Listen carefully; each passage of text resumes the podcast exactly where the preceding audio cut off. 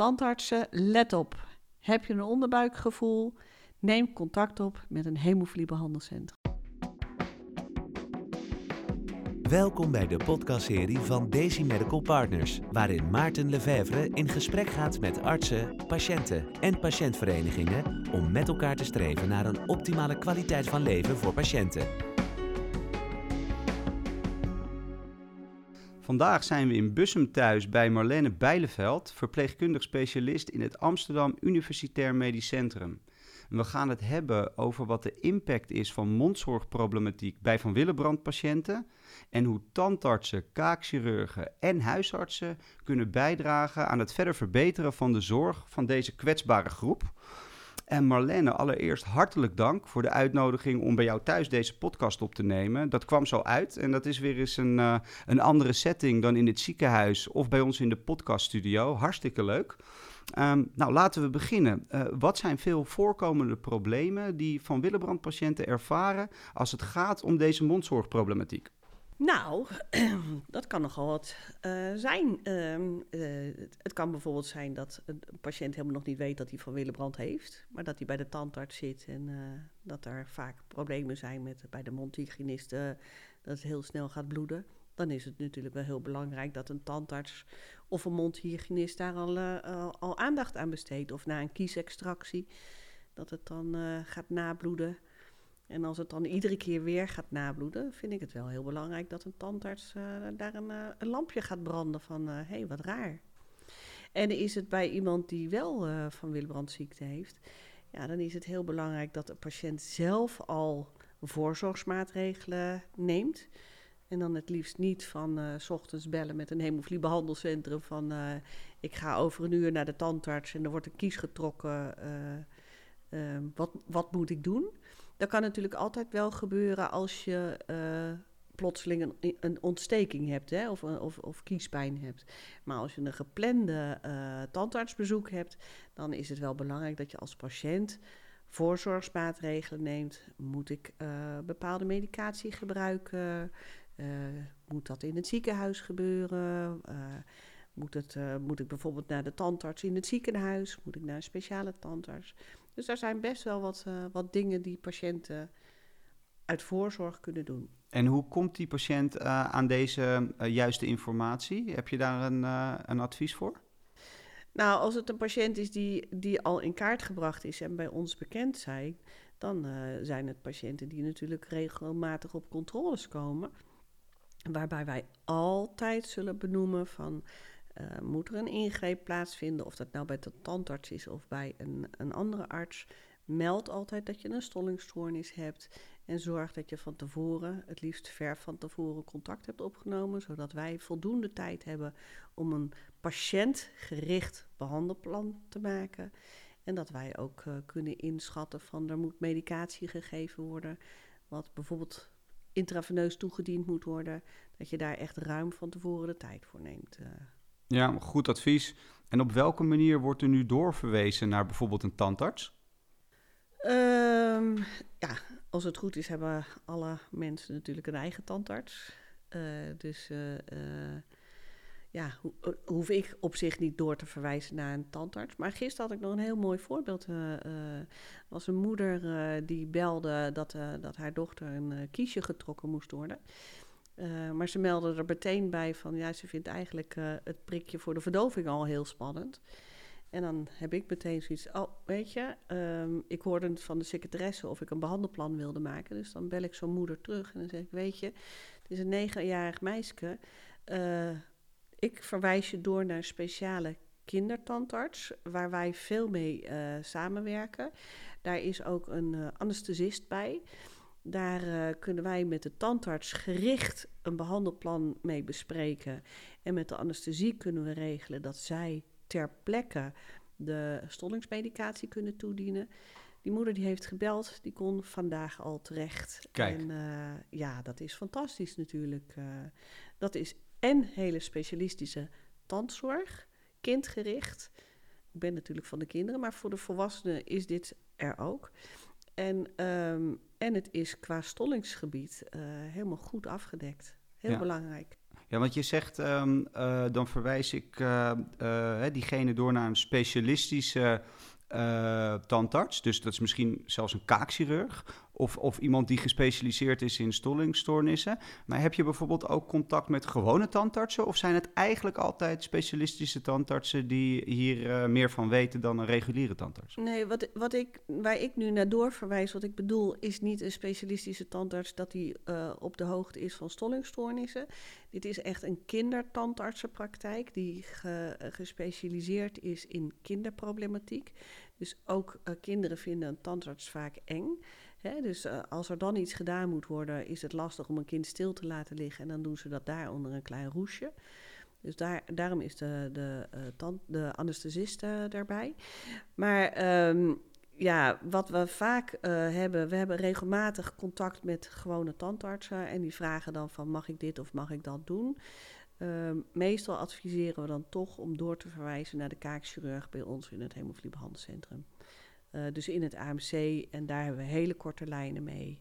Uh, dat als het gaat nabloeden, hadden we twee weken geleden nog weer, iemand helemaal goed voorbereid, goed met stolling uh, voorzien. Maar dan blijft het toch daarna nog nabloeden. En dan is zo iemand ongerust, dan laten we iemand de dag daarna of een week daarna kan ook gebeuren bij ons komen. En dan maken we meteen bij onze eigen kaakchirurg een uh, controleafspraak. Die heeft er naar gekeken, heeft het toch weer een beetje opnieuw gehecht. Weet je, dan heb je alles compact bij elkaar. Meer controle op deze manier, als ja. ik het zo hoor. Ja. ja. En hoe ziet de communicatie er nu met kaakchirurgen uit en hoe zou dat idealiter ingericht moeten worden volgens jou? Nou, idealiter zou iedere kaakchirurg of tandarts op de hoogte moeten zijn dat als een patiënt uh, uh, meer bloed dan uh, anders. Dat er niet wordt gedacht van, oh, nou, hij bloedt wat meer, ik, uh, ik hecht nog wel een keer of ik brand het lekker dicht. Maar dat er wat sneller, zeg maar, gedacht wordt ook aan een stollingsafwijking. Ja.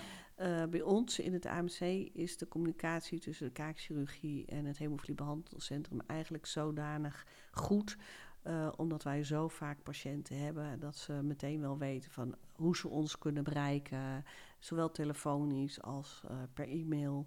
En uh, eigenlijk weten alle patiënten dat ook. Ja. Het is dus heel belangrijk dat, dat in, in ziekenhuizen en in andere, bij tandartsen, dat ze goed op de hoogte zijn.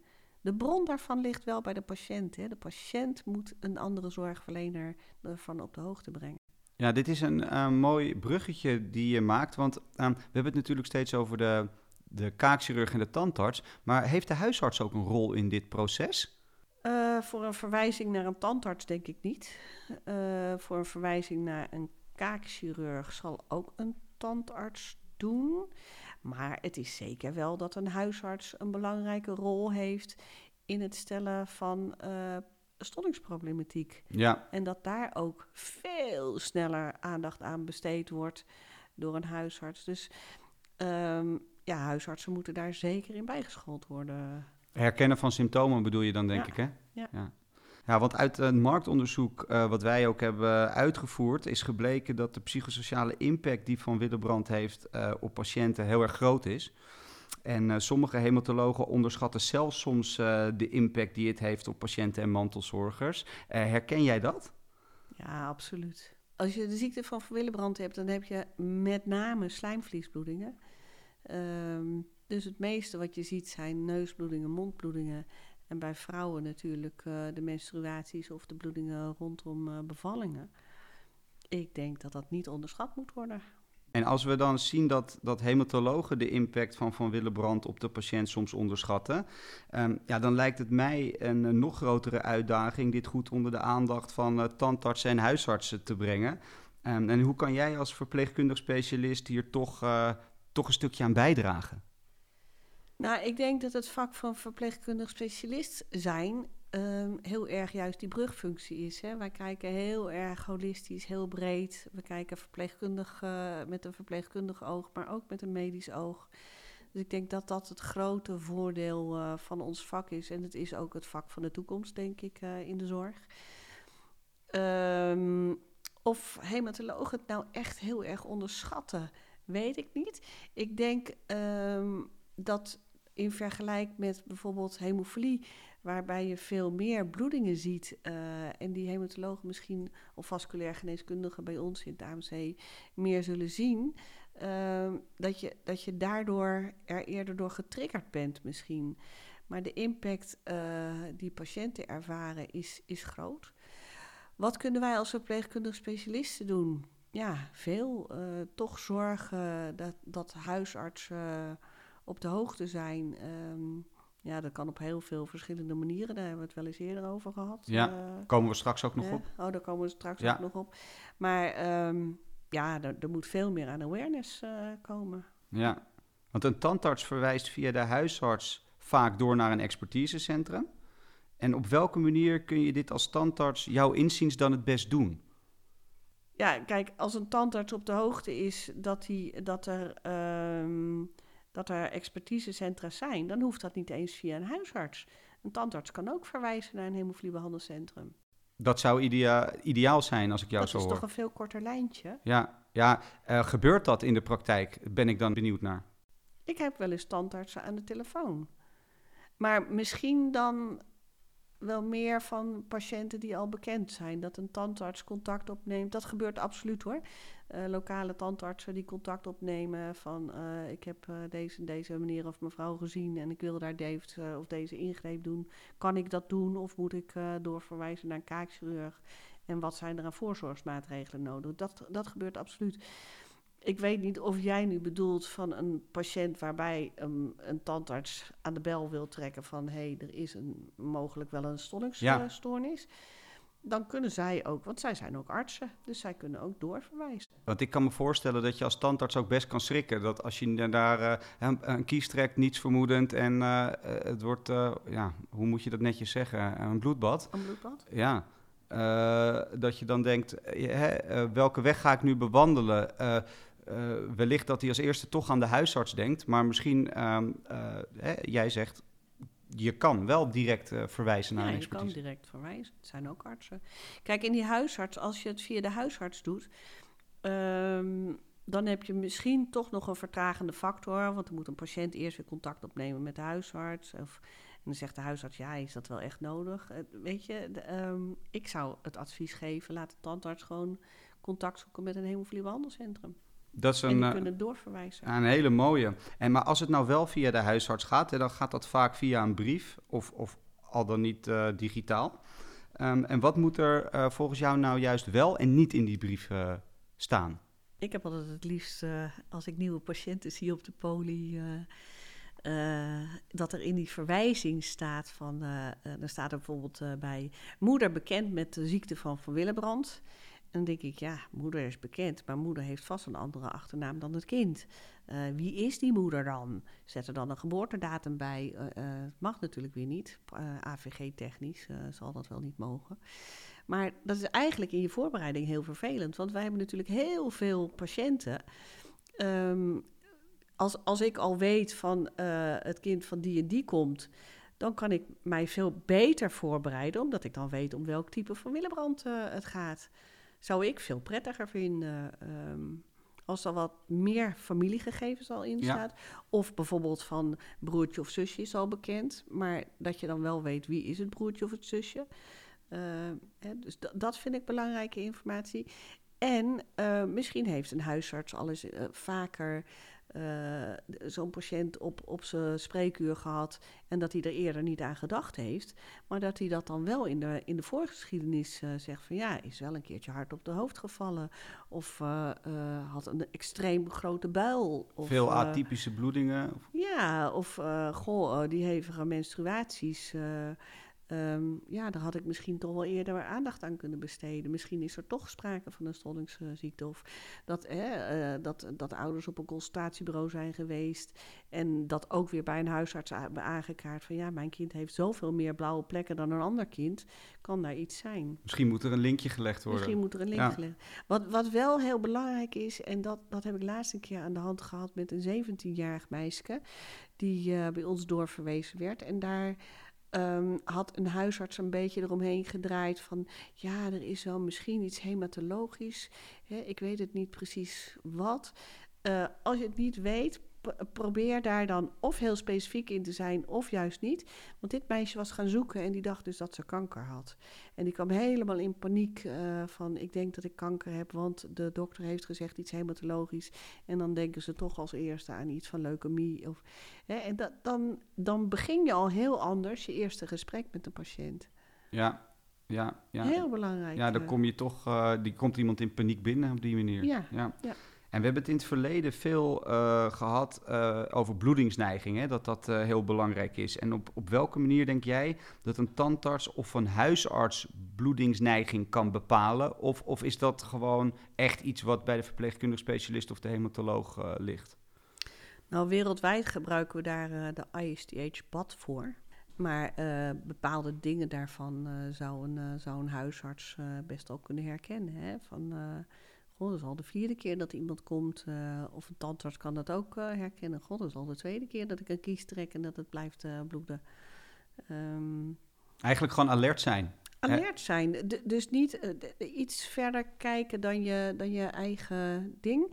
Nou is dat voor huisartsen natuurlijk heel lastig, want die moeten van heel veel, heel veel Ja. weten. Ehm, van tandartsen natuurlijk ook. Maar bloeden is natuurlijk wel een dingetje. Ja, want, want ehm, idealiter, als we het over de huisarts hebben, eh, worden van Willebrand patiënten gescreend in de eerste lijn. Nou, dit, eh, dit klinkt natuurlijk prachtig, maar in de praktijk eh, gebeurt dit vaak niet. Of niet op de juiste manier. Hè. We hadden dat net al besproken over dat herkennen van die symptomen. Ehm, maar misschien goed dat je eerst even uitlegt wat er wordt bedoeld met screening in de eerste lijn. Ik heb geen idee. Nee? Nee, ik, ik, ik weet niet of er in de eerste lijn echt gescreend wordt. Ik denk dat dat eigenlijk eh, die, dat herkennen van die symptomen is. En, en het echt eh, doordifferentiëren, dat gebeurt in een hemofilie eh, eh, expertisecentrum. Hè, dat je echt veel gerichter kan navragen van in welk vlak liggen er dan de bloedingsneiging dan en hoe zit dat in de familie. Ja. bij, bij ouders, bij grootouders, bij ooms, bij tantes, bij broers, bij zusjes. Weet je, dat je veel breder gaat kijken en dat je dan al tijdens je, eerste gesprek gaat nadenken: Goh, wat voor bloedafnames ga ik dan doen? Eh, Ja, ja want ehm, eh, nu, eh, nu we het hierover hebben, en jij zegt screening. Nou, ehm, eh, we, zaten dus laatst met een groepje huisartsen in, een, in een sessie waar het hier ook over ging. En eigenlijk kende geen enkele huisarts de 721-regel. Ja, die, eh, die is goed, hè? Ja, misschien wil jij die dan eh, eh, nog even toelichten, want die blijkt wel ontzettend veel eh, effect te hebben. En daar kunnen zowel patiënten als huisartsen heel snel een conclusie trekken of, eh, of er echt iets ernstigs aan de hand is. Maar die geldt niet voor tandartsen. Nee, niet voor tandartsen, maar voor de huisarts, hè? Ja, de huisarts. De 721-regel, dat eh, is bij vrouwen met hevig menstrueel bloedverlies. eh, langer dan zeven dagen, vaker dan eh, eh, iedere twee uur verbandwissels en stolsels groter dan een euromunt. Dus dan is het 721. Ja, en dan moet er echt een eh, alarmbel gaan rinkelen. Nou ja, alarmbel, daar moet er wel gedacht worden, hey, dit, is niet, dit valt niet binnen het normale. Kijk, als je het over menstruaties hebt, dan heb je natuurlijk vrouwen die, die hevig menstrueren. En dan, eh, ja, maar dat had mijn moeder ook, ja, en, mijn- en mijn oma ook. Dan wordt daar gedacht dat dat normaal is. Maar als je de 721-regel aanhoudt, is dat, is dat niet normaal. Nee. En hoe zou de communicatie vanuit de huisarts na dus zo'n eventuele screening eh, er naar het expertisecentrum uit moeten zien volgens jou? Nou ja, de doorverwijzing. eh, eh, kijk, huisartsen zijn natuurlijk ontzettend druk. Dus via het zorgdomein doorverwijzen eh, vind ik eigenlijk een prima, is een snelle actie. Het komt direct bij een hemofiliebehandelcentrum terecht. Die kunnen het meteen inplannen. We hebben bij ons in het centrum onze super back-office manager, die, eh, die plant dat eh, eh, echt snel in. Hè? Dus mensen kunnen echt de volgende week of soms dezelfde week al terecht. En, en dat is voor patiënten en ouders van kinderen natuurlijk hartstikke fijn als je weet dat je snel terecht kan. Ehm, nogmaals, wat ik daarnet al zei, ik vind het in een verwijzing fijn om wat meer informatie te hebben. Dus als het bij een, een ouder of een familielid al bekend is en een huisarts heeft een brief van een expertisecentrum gekregen, zet daar dan alsjeblieft de waarde al in. Hè, eh, dan, dan kan je al het een beetje inschatten van oh, om welk type eh, van Willebrand het gaat. Dat, dat vind ik zelf heel fijn. Ja, en het schiet me nu te binnen, want ehm, wat ik je nog wilde vragen is eh, hoe een expertisecentrum wellicht in de toekomst kan bijdragen aan screening eh, binnen de eerste lijn. Ehm, en we hebben het net over die 721-regel gehad. Zou je nog eh, iets kunnen bedenken eh, hè, waar een expertisecentrum zo'n huisarts mee kan helpen? Misschien een ander foefje. Dat zijn natuurlijk dingen die heel erg kunnen bijdragen voor zo'n huisarts. Nou ja, neusbloedingen, frequent neusbloedingen.